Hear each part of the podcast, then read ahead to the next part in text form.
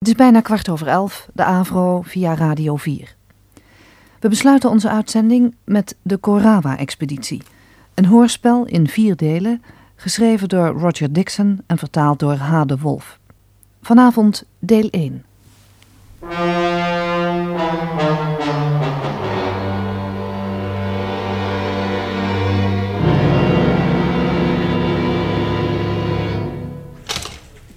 Met Calvin in Newspapers. Wat is er van uw dienst? Meneer Robinson, ogenblikje alstublieft. Nee, spijt me, is er niet. Zal ik vragen of u u belt? Goed, meneer. Weet uw nummer? Prachtig, zal doen. Dag, meneer. Goedemorgen met Calvin in Newspapers. Waarmee... Oh, oh, oh, ben jij het, Letty? Sorry. Nee, nee, hij is nog niet opgekomen dagen. Ja, ja, ja, natuurlijk. Ik zal hem direct naar boven sturen. Oh, oh, wacht eens even. Er komt iemand door de draaideur. Die kon het wel eens zijn. Ja, ja, ik geloof dat het hem is. Die foto in de krant was niet erg best. Ja, het moet hem zijn. Hij komt hierheen. Ik zal je terugbellen. Kan ik u van dienst zijn? Uh, ik zoek het kantoor van Sir John. Hij verwacht me. Mijn naam is Garnet. Paul Garnet. Oh ja, meneer Garnet. Sir John heeft een boodschap achtergelaten dat u meteen boven kon komen. Als u een van de liften daar ginds neemt, dan zal de portier u wel verder wijzen. Dank u zeer. Tot uw dienst.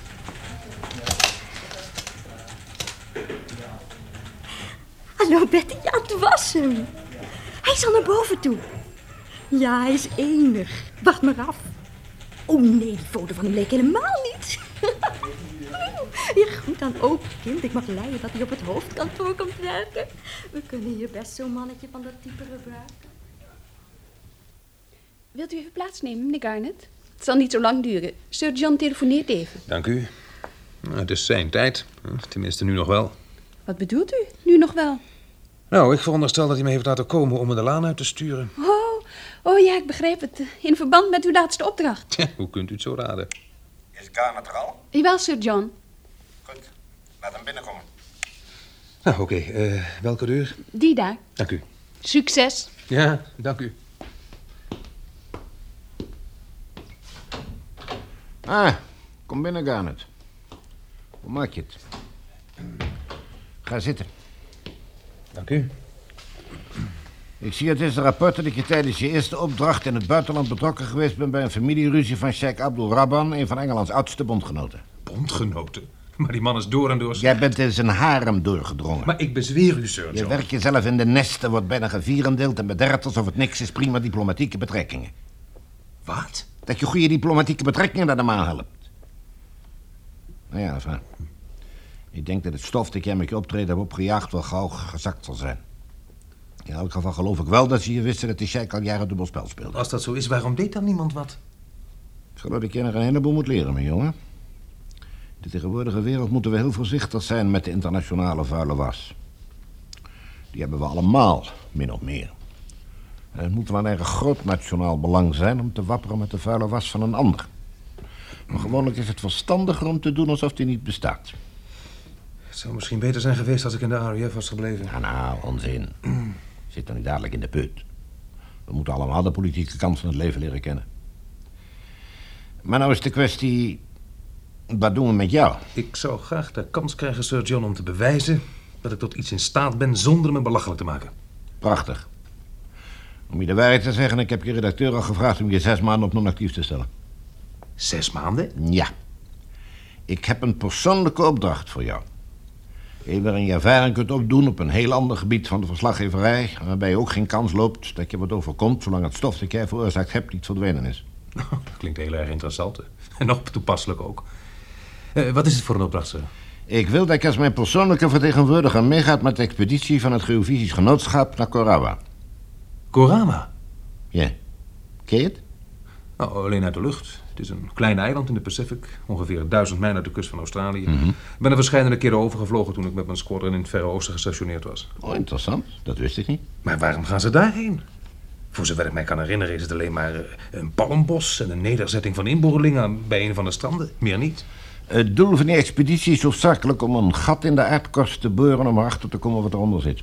Oh, Moet ik daaruit opmaken dat je niet zo bijzonder veel belang stelt in de geologie? oh ik weet het niet. Om eerlijk te zijn, ik weet er niks vanaf. Nog nodig in dat niet. De geologie is ook mijn stokpaardje, niet? Maar ik stel veel belang in één lid van de expeditie. Mijn dochter. Oh, juist. Na de dood van haar moeder is zij het enige wat ik heb. Nou ja, ik zal er niet verder op ingaan. Maar ik wil wel zeggen dat ik erg op haar gesteld ben. Natuurlijk, sergeant. Nou, je hoeft je geen zorgen te maken, want ik wou je niet vragen om als kindermeisje op te treden. Maar het zou een grote geruststelling voor me zijn als je haar een beetje in het oog hield. Ze is nog jong en ze heeft nog nooit zoiets meegemaakt. Ja, ik moet haar laten gaan. Bovendien heeft professor Sommeré, de leider van de expeditie, me gezegd dat ze zich sneller naar taak inwerkt en ze zeker een steentje kan bijdragen om de expeditie tot een succes te maken. Ik zal best doen, sir, te zorgen dat ze niet in moeilijkheden komt. Mooi. Dat is een pak van mijn hart. Oh ja, ze heet eh, Penelope, maar van kinds af wordt ze Penny genoemd. Ze is niet altijd even makkelijk, maar ik ben er zeker van dat jullie goed met elkaar zult kunnen opschieten. Dat is prettig. Nou, en dan nu ter zake. Het schip vertrekt morgenochtend om tien uur uit Tilbury. Morgenochtend? Ja. En de reis duurt zowat vijf weken. Jij bent de enige verslaggever bij deze expeditie. En het is me gelukt door een aardig bedrag in de kas van het genootschap te storten. Maar ik heb ook gezegd dat je buiten je reportages ook een handje zou helpen binnen de grenzen van je capaciteiten. Daar heb je toch niets op tegen? Integendeel, sir. Ik wil graag wat om handen hebben. In elk geval kan ik me dan wat beter in het project verdiepen. Net wat ik dacht. Eh, vanmiddag om drie uur is er een laatste bijeenkomst in Winchester House van het genootschap en de leden van de expeditie. Zeker om nog een eh, paar details te bespreken voor ze mogen vertrekken. En daarom stel ik je voor dat jij daarheen gaat om je te introduceren. Eh, pardon, kunt u mij ook zeggen waar ik eh, Miss Calverley kan vinden? Jazeker, daar ginds bij de deur. Is dat Miss Calverley? Ja, kent u haar? Oh, oh nou, dat nog niet direct. eh, maar ik, ik werk voor haar vader. Oh, dan bent u natuurlijk Paul Garnet. Ja, hoe, weet u dat? Ik ben John Ross, zogenaamd dan de tweede man van deze expeditie. Hoe maakt u het? Dank u, uitstekend. Nou ja, ik zei nog dat ik de tweede man ben, maar feitelijk ben ik de chef-kok en de dupels toe, ja. ja. Zeg maar, vertel eens even, waarom was u zo verbaasd toen ik u Penny aanwees? Eh, nou, ik, ik weet het niet, maar omdat ze deelneemt aan een expeditie als deze... eh, ja, ik, ik, ik, verwacht er niet... ja, eh, zoiets ooglijks te zien ja, bedoelt ja. u? Nee, nee, nee, Penny weet dat weet je, maar... ze is geen blauwkous. Nee, zeker niet. Ze is een van de aardigste meisjes die je kent. Ga mee. Zal ik u even wat voorstellen?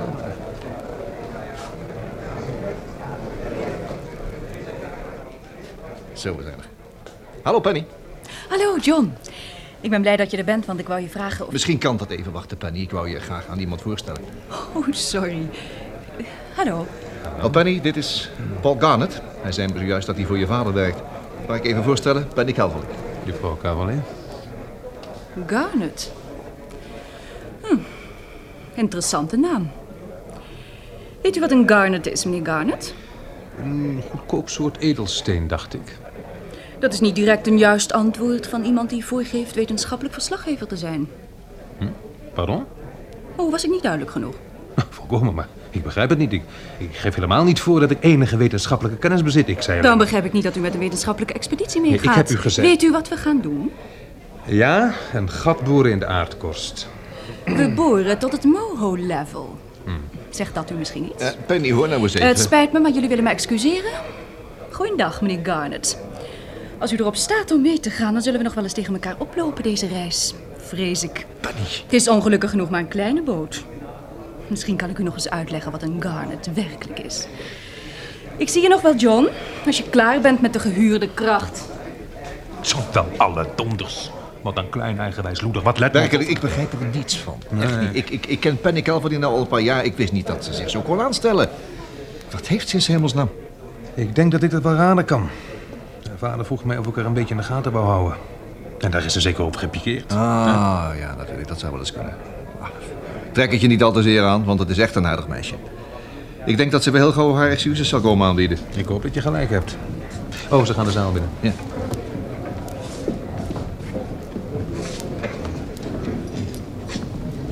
Oh, mijn hemel.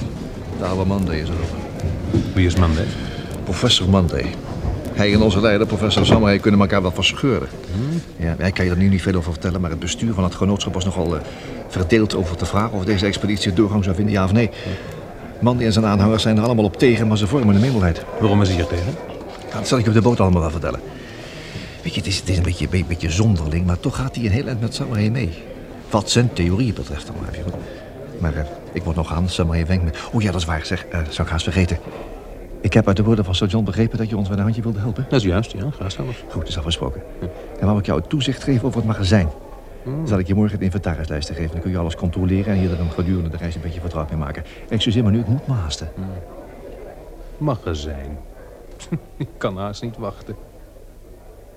ervan te spreken namens alle leden van het genootschap als ik professor Summerhay, John Ross en de overige leden van de expeditie veel succes en goede reis toewens.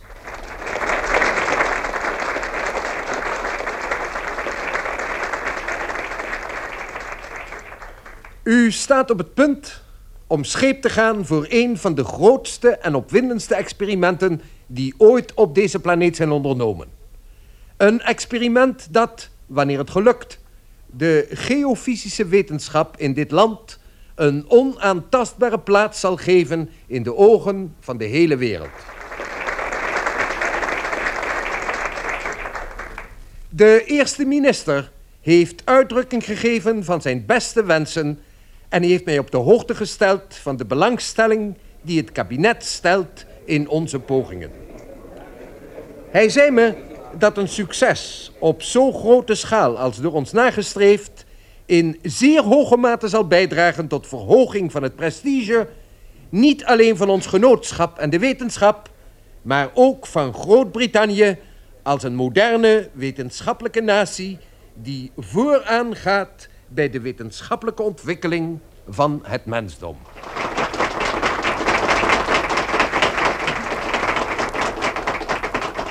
Onzin! Klinkklare onzin! Goedemiddag, professor Monday. Ik vroeg me al af hoe lang het zou duren. In elk geval, u hebt nu genoeg van mij gehoord. En daarom, vrienden, om deze laatste algemene vergadering van het Geofysisch Genootschap te beëindigen, voordat de expeditie naar Korawa vertrekt, geef ik het woord aan onze achtenswaardige, eminente leider, professor William Summerhay.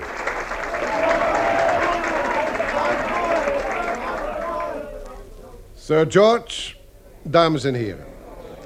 Ik ben er zeker van... Meneer de voorzitter, voordat professor Summerhay verder gaat, vraag ik het recht als een van de oudste leden van het genootschap het woord te mogen voeren. Nee, Ik doe beroep op u, Sir George. Het spijt me, professor Monday, maar professor Summerhay is aan het woord. wees zo goed te gaan zitten, Monday. Ik ga niet zitten. Ik wens gehoord te worden. Het spijt U me. hebt de gelegenheid gehad om te zeggen wat u op het hart hebt. Wees zo goed om te gaan zitten en u rustig te houden. Ik heb volkomen het recht het genootschap in algemene vergadering bijeen toe te spreken. Dames en heren, het is waar dat ik het mijne gezegd heb in het uitvoerend comité van het genootschap. Maar ik heb geen eerlijke kans gehad om mijn inzichten te openbaren aan de leden in het algemeen.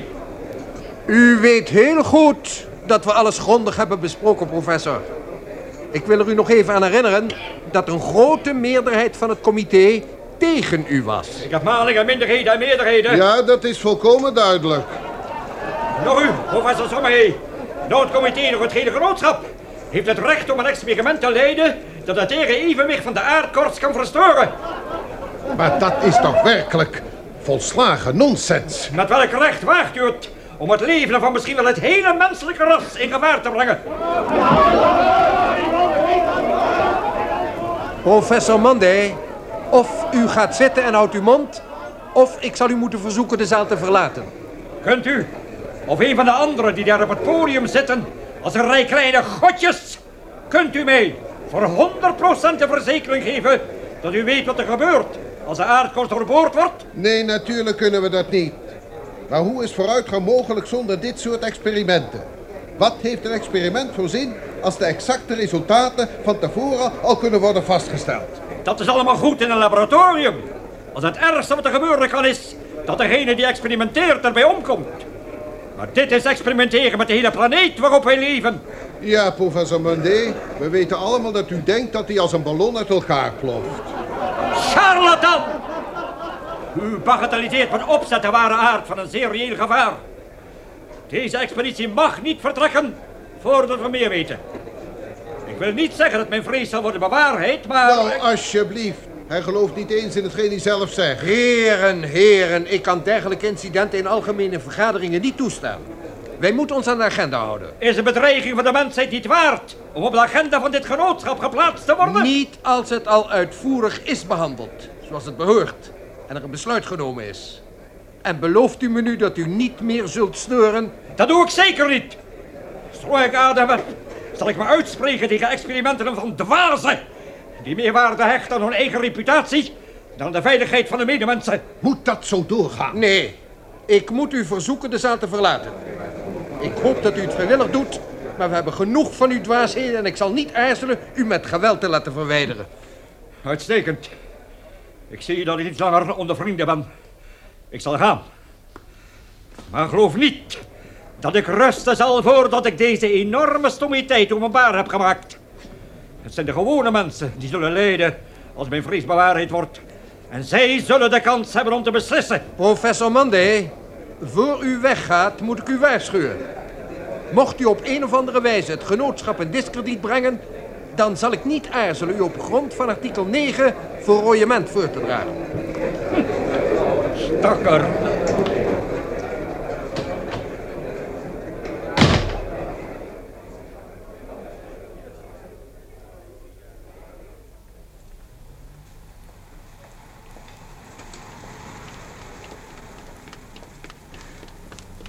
Professor?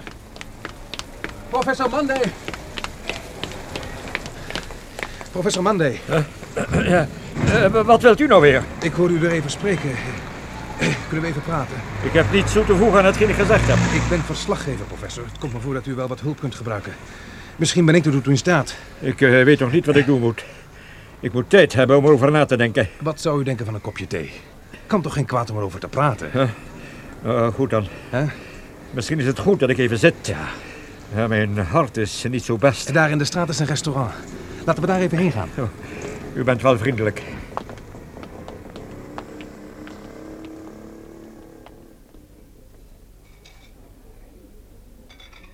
Tja, het is een beetje moeilijk. Ik weet niet waar ik zal beginnen. Och, eh, geeft u maar een eh, globaal overzicht, professor. Van de details begrijp ik toch niet veel. Goed. Maar eh, laat ik u op voorhand zeggen dat hetgeen ik u nu ga vertellen... geen onweerlegbaar bewijs is dat de totale vernietiging zich onder onze voeten bevindt... maar wel dat er genoeg aanwijzingen zijn om een veel gedetailleerder onderzoek te rechtvaardigen... voor men overgaat tot een experiment van een dergelijke omvang. Ja, begrijp het. Het doet een beetje denken aan het Amerikaanse experiment met de waterstofbom. Een paar jaar geleden. De zwaarste bommen zijn een kleinigheid vergeleken met de krachten der natuur. Zelfs aan de oppervlakte van onze planeet zijn krachten aan het werk. Waarnaast een bom van 200 megaton alleen maar een voetzoeker is. Er is meer kracht in een orkaan van gemiddelde sterkte dan in duizend van die bommen. En dat is nog niets vergeleken met de krachten die onder onze voeten zijn opgesloten. Tja. Neem me niet kwalijk dat ik me zo liet gaan. Dat geeft niet, professor, geeft niet. Gaat u verder. Eh, van het begin af. In het begin, eh, toen de aarde nog maar duizend miljoen jaar oud was, draaide ze rond de zon als een reusachtige gloeiende massa. En dat is geen schilderachtige beschrijving, want de kern bestond uit gesmolten ijzer. Langzamerhand daalde de temperatuur wel zodanig dat de eerste atmosfeer zich kon vormen. Heel verschillend van die waarvan we nu genieten en met een temperatuur van enige duizenden graden, loste die weer gauw op in de ruimte. Dat was natuurlijk maar het begin. Eh, Toen de aarde afkoelde, werden andere gassen die in de gesmolten massa aanwezig waren afgescheiden. Die bestonden grotendeels uit carbondioxide, eh, dat is eh, koolzuurgas, waterdamp en nitrogeen, stikstof. Ontzettende hoeveelheden rondom de aarde tot een diepte van duizenden mijlen. Maar ik probeer u een beeld te geven van hetgeen aan de oppervlakte gebeurde. Hoe meer de massa afkoelde, des te meer gassen maakten zich vrij.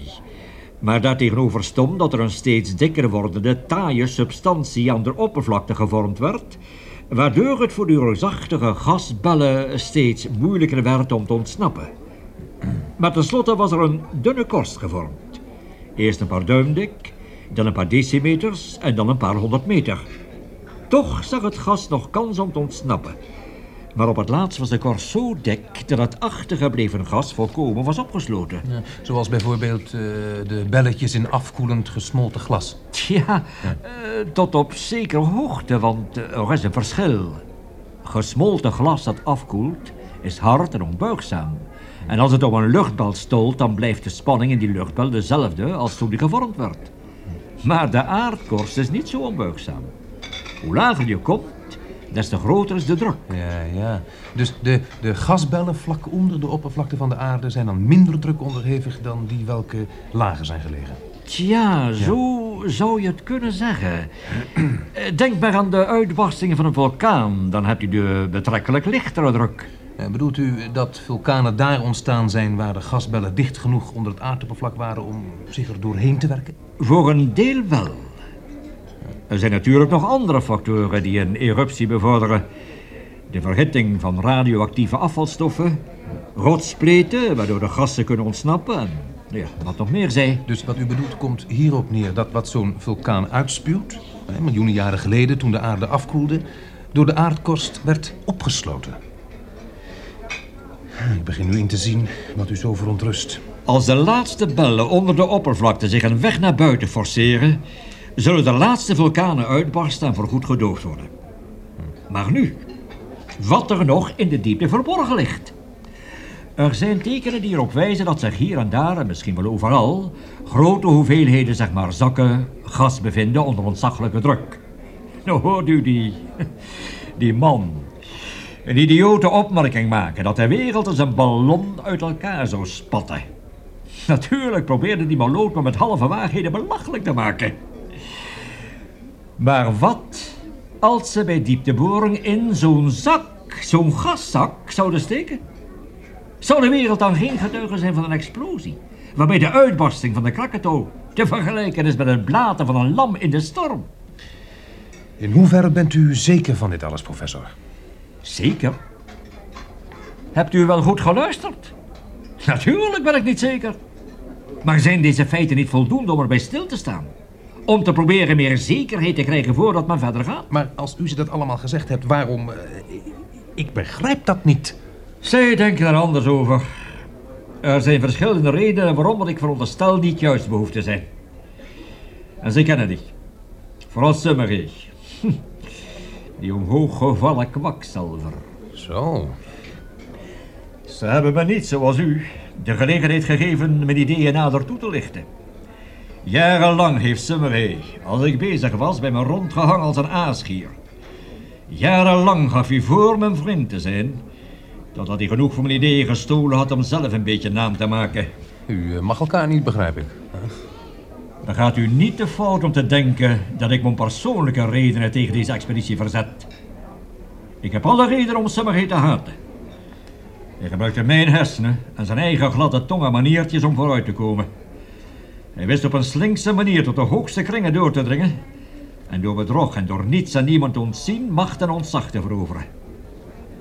Maar neemt u voor mij aan dat hij door zijn ambitie en zijn eerzucht om een internationale reputatie te veroveren, dat hij een even groot gevaar is als iemand die in een kruidmagazijn lucifers afstrijkt om te zien waar die loopt. Met dit verschil, dat hij een gevaar is voor de hele wereld. En daarom, het kost wat het kost. Hij moet tegengehouden worden. Maar, maar hoe stelt u zich dat voor, professor? Ik heb een paar invloedrijke vrienden. En tot nu toe heb ik de normale weg bewandeld, maar dat is mislukt. Nu moet ik ieder wapen gebruiken waarover ik kan beschikken. Al zou het de ondergang betekenen van het genootschap dat ik hier heb oprichten en waarvan ik houd. Jawel, maar hoe? Ik zal hier gewoon beginnen. Morgen moet ik spreken in een bijeenkomst van de hoogleraren te Cambridge. Er komen veel vooraanstaande geleerden uit het hele land bijeen. Die hebben meer respect voor me. En die zullen rustig naar me luisteren. Tja, ik voel me nog gelukkig heel wat rustiger. Ik geloof dat ik maar eens naar huis ga. Ik moet nog wat aan mijn reden voor morgen werken. Dat spreekt. Nou, eh, professor, ik dank u dat u mij dit onderhoud hebt toegestaan. Taxi!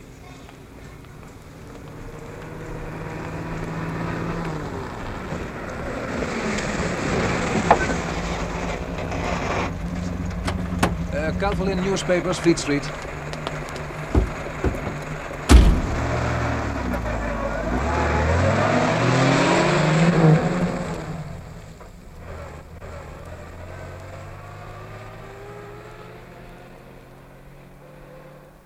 het verkeerd zien, sir, maar hij ziet geen spoken. Zijn argumenten waren absoluut logisch. Hij zelf gaf toe dat hij abuis kon zijn. En dat is altijd een goed teken. Ik geloof niet dat de professor erg ver mee komt. Maar ik geef toe, een artikel over de twee voornaamste tegenstanders is een prachtig uitgangspunt. Ga je gang dus maar. Dank u, sir. Dan lijkt mij het beste dat ik professor Monday meteen even opzoek met het oog op ons vertrek morgen. Ja, je hebt genoeg tijd om uh, Summerhay op het schip te interviewen. Ik zou wel graag wat meer willen weten over die vijandschap tussen hem en Summerhay. Dan zul je waarschijnlijk ontdekken dat die de sleutel is van alles. Mm, u kunt best gelijk hebben, Sir John. Maar er zijn nog meer vragen die ik over zijn theorie wil stellen. Nou, dan zou ik hem maar meteen opbellen als ik jou was. Je kunt de telefoon van mijn secretaresse wel gebruiken. Goed. Oh, uh, kan ik een uh, fotograaf meekrijgen, sir? Ga je gang. Dank u. Um, zie ik u nog voor vertrekken? Natuurlijk. Ik kom naar de boot om afscheid te nemen. Fijn, dank u.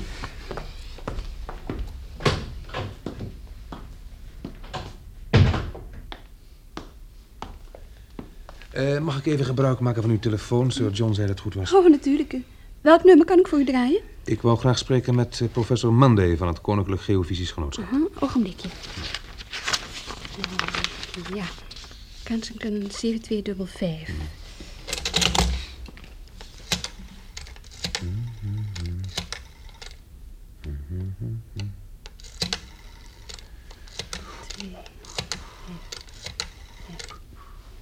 Hij gaat over.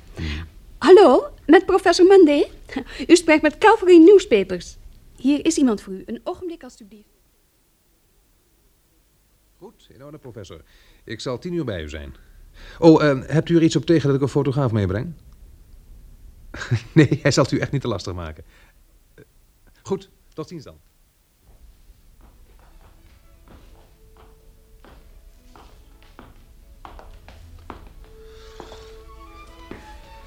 Dit is flat nummer drie.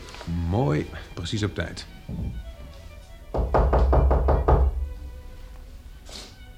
Hm. Lijkt wel of de oude baas onder een goed concert in slaap gevallen is. Misschien heeft hij niet gehoord. Klopt nog eens, Dave. Goed.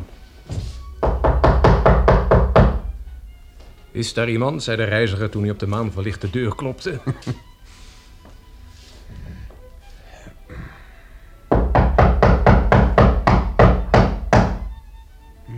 toch dat je gelijk hebt. Hij was misschien moe van het werk aan zijn speech en in slaap gevallen. Probeer eens of de deur open is, Dave. Mm -hmm. Hij is open. Professor? Professor? Bent u daar? Ik ben het. Paul Garnet. Loop maar verder, Paul. Hallo, professor Monday. Is niemand. In de slaapkamer ook niet. Ook niet in de keuken. Als je me nou... Zeg, wacht eens. Uh, hij zal toch niet op... Nee, daar heb ik ook al gekeken. Oh. Nou, misschien is hij even weg om een brief te posten. Ja, dat moet haast wel. Anders zou hij niet al het licht hebben aangelaten. En stond ook die grammofoon niet aan. Uh, zal ik maar afzetten? Zou ik maar doen, ja.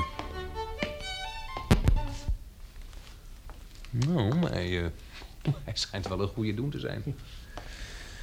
Is hij getrouwd? Nee, nee, nee, nee. nee. Nou, dat ziet hij er netjes uit. Misschien heeft hij iemand die voor hem zorgt. Waarschijnlijk wel.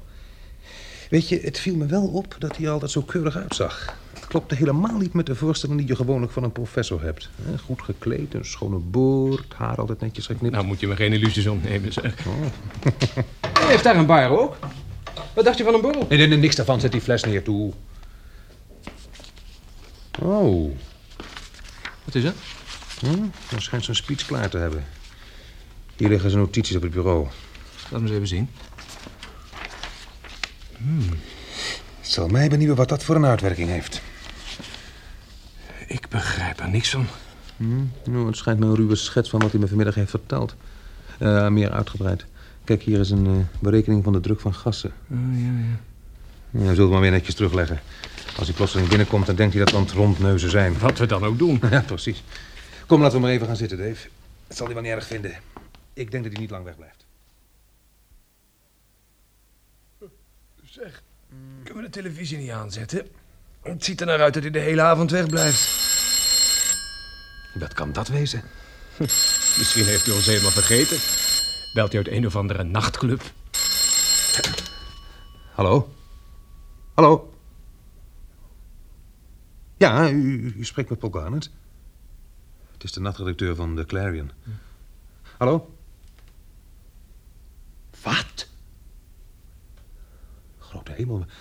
Wanneer is dat gebeurd? Ja. Ja, en- nee, nee, goed, ik zal niets aanraken. Dank je. Allemachtig. Ja, wat is er in Zebersam gebeurd? Professor Monday. Hij is dood. Moet een eh, aanrijding zijn geweest. Waar? Wandsworth. Wandsworth? Ja. Maar, maar dat is meer dan vier kilometer hier vandaan. Hoe kan hij daar nou... Hoe laat is het, Paul? Hm, 20 over 10. Hoe kan hij daar dan te voet in 20 minuten gekomen zijn? Nee, 25 minuten. Waarom? Omdat die grammofoonplaat ongeveer halfweg het eerste gedeelte was. En dat duurt 10 minuten. Ik ken dat concert. En hij moet hier zijn geweest om het op te zetten. Want de pick-up heeft geen automatische platenwisselaar. Ja, maar waarom zou hij een plaat opzetten als hij van plan was weg te gaan? Ja, misschien had hij vergeten een brief te posten. In Wandsworth? Of misschien was hij helemaal niet van plan om weg te gaan. Wou jij daarmee zeggen dat hij misschien meegenomen is voor een ritje? Ja. Of ze hebben hem opgepikt toen hij even buiten was. Of, wat waarschijnlijker is, ze zijn hier gekomen. Geen aanwijzingen van een worsteling. Nee, nee, dat kan erop wijzen dat het iemand is geweest die hij kende. Of dat hij er geen idee van had dat iemand hem wou vermoorden. Maar waarom zouden ze een oude professor vermoorden? Daar kan maar één reden voor zijn, Dave. Hij dreigde alles in het werk te zullen stellen om die boorexpeditie naar Korawa niet door te laten gaan. En morgen zou hij zijn aanval met deze speech beginnen tijdens een belangrijke bijeenkomst in Cambridge. Als die vermoord is, dan was het omdat iemand wilde dat die expeditie koste wat het kost door zou gaan. Maar hij had hem toch niet kunnen tegenhouden, wel? Dat weet ik niet. Dat weet ik niet. Misschien is het antwoord in deze notities te vinden. Nou kom, ze hebben me gevraagd de flat te sluiten en alles aan de politie over te laten. Ja, dat lijkt me verstandig. Eh, Zeg, laat jij die speech niet liggen? Nee, nee. Want ik heb zo'n idee dat hij er niet meer zou zijn als de politie hier komt. Sherlock Holmes nummer twee. Ja, ja. Goed voor jouw verantwoording. En wacht even. Wat doe je nou? Hm, ik stop hem in een envelop. Waarom, Paul? Omdat ik hem met de post naar Sir John stuur. Dan weet ik zeker dat hij hem krijgt. Ik heb gezien dat hij hier vlakbij een brievenbus is. Oké, nou kom dan, ga dan mee. Hè. Ik, ik vind die kamer ineens griezelig. Oké. Ik heb al een paar foto's gemaakt. Misschien dat ze die later nog nodig hebben.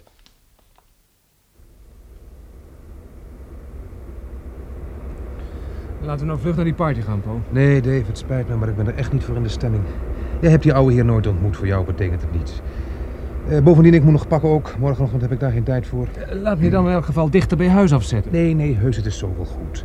Mijn pension is maar een paar stappen om de hoek. En ik wil graag even de benen strekken. Zoals je wilt. Hm?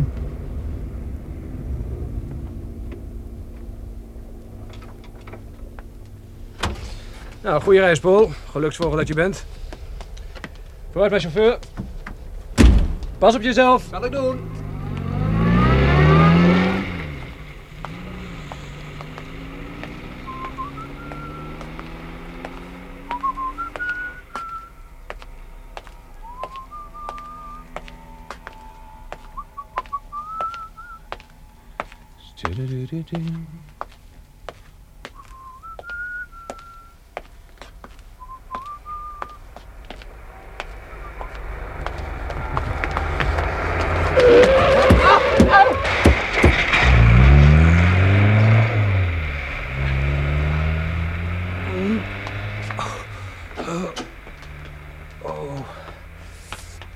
Wat was dat? Wat is er gebeurd? Is er iemand? Meneer Garnet! Oh, meneer Garnet! Goeie hemel, wat is er gebeurd?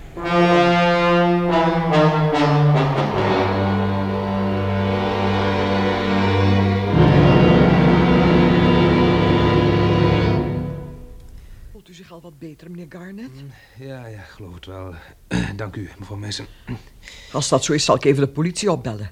Dan moet ik wel naar de winkel van Booth aan het eind van de straat, want de auto heeft de telefooncel in puin gereden. Eh, nee, nee, mevrouw Mason, toe. Niet doen, alstublieft. Nee. Ja, maar u, u had wel dood kunnen zijn. De bestuurder was zeker gek of dronken. Ja, dat was die, geloof ik. Maar wat kan de politie doen? Ik heb hem bezeerd bij het springen. Morgenochtend ben ik weer zo lekker als kip. Eh, toe, laat maar. Nou ja, goed, als u met alle geweld wil. Ja, ja, doe maar. Maar als ik u was, stuur ik de politie achter ze aan. Nou, u kan nou beter gaan slapen als u morgenochtend vertrekt. Ja, ja. Wel te rusten. Wel rusten. En eh, bedankt.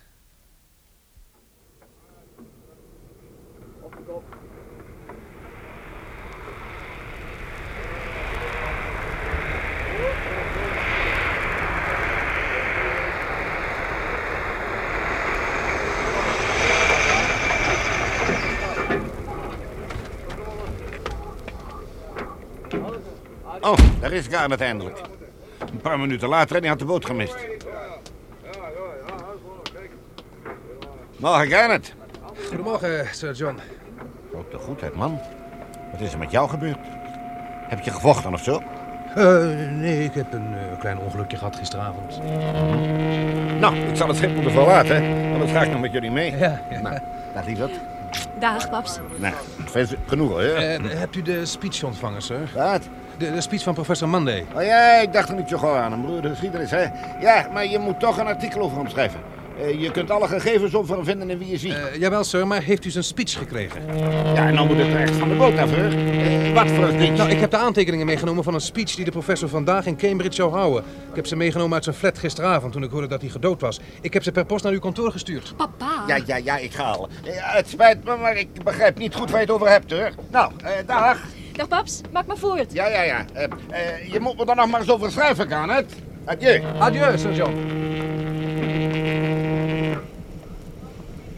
Ja, hij krijgt hem misschien met de tweede bestelling. Pardon?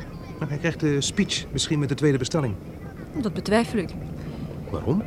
Je kunt mijn vader misschien voor de mal houden met dat onzinnige verhaaltje, maar mij niet. Het is je heel duidelijk aan te zien wat je gisteravond gedaan hebt. En als er één ding is wat ik niet kan uitstaan, dan is het een man die drinkt. Drinkt? Ja, drinkt. Het zou me niks verwonderen als je betrokken geweest was bij een zuippartij. Hé, hey, hey, zeg, hoor eens even. Je was natuurlijk zo laat omdat je je hoes moest uitslapen. Dacht jij dat? Ja, Als je het precies wilt weten... Ik heb gisteravond voor je vader gewerkt. En ik werd bijna vermoord. Nou, maar waar ga je heen? naar mijn hut, als je er niks op tegen hebt. Als er één ding is wat me een man nog meer tegenstaat dan drinken, dan is het dat hij de waarheid niet durft te spreken. Zeg, eh, kom eens even terug. Hallo, ouwe jongen. Zeg, wat ben jij toegetakeld? Afscheidsvijf uit de stad gisteravond. Nee, nee, niks daarvan. Oh, eh, professor Ross. eh, Neem me niet kwalijk dat ik zo schreeuwde. Het was niet voor u bedoeld. Ah, noem me maar John, dat doet iedereen. Graag, mijn naam is Paul. Nee, ik eh, had nog een laatste opdracht en toen ben ik in moeilijkheden geraakt. Zij denkt dat ik een dronkaard en een leugenaar ben. Penny? Ja. maar trek je daar niet zoveel van aan. Ik, eh, ik geloof dat ze hier wel aardig zit. Nou, dan heeft ze een vreemde manier om dat te laten blijken. Zeg, ik denk dat je was dat te popelen om je te verdiepen in de inventarislijsten, niet? Oh, oh ja, ja, mijn bijbaantje. Eh, kijk eens, ik ben pas aan boord. Kan ik eerst niet even naar mijn hut gaan? Ja, natuurlijk. Ik maak er maar een grapje. Wat eh, waren dat voor moeilijkheden waarin je gisteravond verzeild geraakt bent? Eh, Dat kan ik je nou niet vertellen. Later. Oké. Kom, ik heb nog het een en ander te doen. Ik zie je dan wel bij de lunch, hè? Nou, maar ik denk niet dat je me veel zal zien vandaag. Niet alleen dat ik toegetakeld ben, ik heb vannacht geen oog dicht gedaan. Het spookt in mijn kop. Ik ken dat. Ik denk dat ik onder de wol kruip en probeer te slapen. Goed idee. Ja.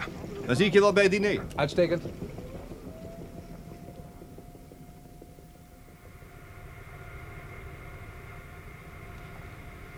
Goedemorgen, juffrouw Calverley. Ik heb u overal gezocht. Ik heb u gisteravond aan het diner gemist. Ik zei dat ik u aan het diner gemist heb. Ik had geen behoefte aan eten. Oh. Gaat u niet naar beneden om te ontbijten? Ik wil geen ontbijt. U moet toch echt wat naar binnen zien te krijgen? Hm? Vindt u ook niet?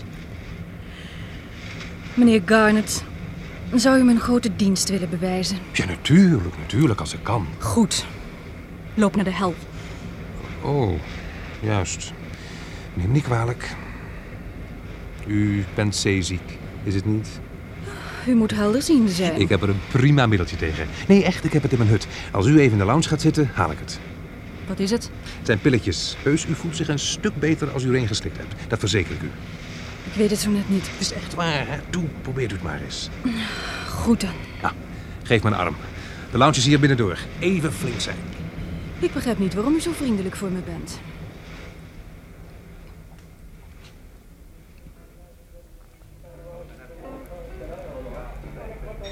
Ehm, voelt u zich al wat beter? Het is buitengewoon. Wat een opluchting. Ik kan u niet dankbaar genoeg zijn. Als u eens begon met me niet meer te behandelen alsof ik van de honden gevonden ben. dat zou een heel ding zijn. Het spijt me, ik heb me schandalig gedragen. Maar het, het heeft niks met uw persoon te maken. Dat is tenminste een troost. Het zit zo. Eh, nadat Mammy bij een auto-ongeluk om het leven kwam. En dat is nou ongeveer vijf jaar geleden. Is papi zo bang dat me iets overkomt dat hij me zowat in een kooi wil stoppen? Nou, dat is nogal begrijpelijk, zou ik zeggen. Jawel, maar toen hij goed vond dat ik met deze expeditie meeging, dacht ik dat ik mijn vrijheid teruggekregen had. En toen... En toen kwam u erachter dat hij mij... Ja. Moet u horen, u hoeft wat mij betreft nergens bang voor te zijn. Ik zal me niet met uw zaken bemoeien. Dat beloof ik u. Ik ben blij dat u zoveel begrip toont. Eh, vertelt u me eens, meneer Garnet. Ik heet Paul. Oké, ik heet Penny. Eh, vertel me nou eens precies wat er gisteravond in Londen gebeurd is. Om je de waarheid te zeggen, ik ben dodelijk nieuwsgierig. Ik geloof dat iemand professor Monday vermoord heeft. En dat hij daarna probeerde het mij te doen. Het is niet waar. Toch wel. Maar waarom zouden ze? Ik denk omdat ze bang waren dat de professor zo geweldig tegen deze expeditie zou ageren dat hij zou worden afgelast. Oh, juist. En, en, en hoe ben jij erbij betrokken geraakt? Heel eenvoudig. Iemand, wie het ook mag zijn, dacht dat ik van plan was hem te helpen. Ik had namelijk een afspraak met de professor om bij hem in zijn flat te komen. Maar Paul, dat, dat is verschrikkelijk. Denk je werkelijk dat die persoon, wie het dan ook mag zijn, jou ook wou vermoorden? Ik was vrij zeker, maar toen ik gisteravond je vader door de radiotelefoon sprak... en hij me vertelde dat die notities van die speech nooit waren aangekomen... toen was het mij volkomen duidelijk. Dat kan geen toeval geweest zijn. Maar gelukkig ben je nu aan boord. Hier ben je niet meer in gevaar. Tenzij de moordenaar of moordenaars ook op de boot zijn. Hè? Oh nee, nou vergis je je. Behalve de leden van de expeditie is er niemand anders aan boord. En die ken ik allemaal persoonlijk. Iedere moordenaar wordt altijd door iemand persoonlijk gekend. Maar laten we het over wat anders hebben. Eh, je zou me nog vertellen wat mijn naam betekent. Hemel, ik was erg lelijk tegen je. Nou, geef niet, alles is vergeven. Wat is een garnet? Nou, eigenlijk had je gelijk toen je zei dat het een half edelsteen is. Maar men denkt dat het onder zeer hoge druk gevormd basalt is, dat zich gevormd heeft op het punt waar de aardkorst de mantel raakt. Het kan zich tussen beide lagen heen en weer hebben bewogen, afhankelijk van de variërende druk. Juist. En wat zou de druk zijn op het moho-level? Ja, dat is moeilijk precies te zeggen. Dat is een van de dingen waar we achter hopen te komen. Maar eh, op zijn minst eh, duizenden tonnen per vierkante duim. En wat gebeurt er als professor Monday gelijk heeft? Dat er gaszakken onder zijn en dat we die eh, doorboren. Er gebeurt niets, want de professor heeft ongelijk. Hoe weet jij dat? Als je er ook maar het minste van af wist, dan zou je niet zulke domme vragen stellen. Goed, goed, goed, laat het zo zijn. Maar weet jij het antwoord? Ja, En dat is? nou, in de eerste plaats. eh, Als zulke zakken bestaan, dan zouden ze al lang ontdekt zijn door geluidsproeven. Hoezo? Omdat stoffen van verschillende dichtheid ook op verschillende manieren het geluid weerkaatsen. Oh. Ach, het is veel te gecompliceerd om het allemaal uit te leggen. De professor Summerhay heeft er een uitstekend boek over geschreven. Het is in de scheepsbibliotheek. Waarom lees je dat niet? Dat zal ik zeker. Maar ik heb over deze kwestie iets van een tegenovergestelde opvatting gehoord. En dan wou ik graag jouw mening weten. Als je wilt weten hoe ik erover denk, dan lees je het boek van de professor. Heb je er dan geen persoonlijke mening over? Nou moet je niet beledigend worden. Nee, sorry, ik wou alleen maar weten of... Horace, eh, ik heb nog een bende werk te doen. Professor Summerhay rekent erop dat ik me goed inwerk, dus je wilt me wel excuseren? Ja, natuurlijk. En als ik je een goede raad mag geven, bemoei je dan met je eigen werk en laat de rest maar aan anderen over. Bedankt voor je hulp. Zie ik je aan de lunch? Ik denk dat ik in mijn hut zal lunchen. Misschien knap ik dan helemaal op. Nou, bij het diner dan. Nou, misschien. Oké, ik zie je wel. Eh, Stuart. Ja, meneer. Ik weet de weg nog niet zo goed. Kunt u mij zeggen hoe ik in de bibliotheek kom? Zeker, meneer. U gaat die deur door, dan de trap af naar dek C. Dan gaat u linksaf en op de helft van de gang aan uw linkerhand vindt u de bibliotheek. Dank u zeer. Tot ziens, meneer.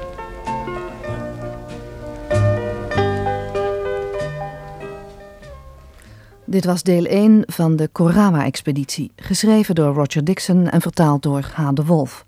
Met Joke Rijtsma Hagelen, Hans Veerman, Gerry Mantel, Rob Gerards, Jan Borkes, Els Buitendijk, Frans Somers, Kommer Klein, Huip Orizant, Frans Karsenbarg, Nel Snel en Frans Kokshoorn. Technische realisatie Jan Bosboom en Leon Dubois. Regie Dick van Putten. U hoort het, het einde van de AVRO-uitzending op Radio 4 van vandaag. Morgen zijn we weer op Radio 1 vanaf 7 uur in de ochtend. Een goede nacht.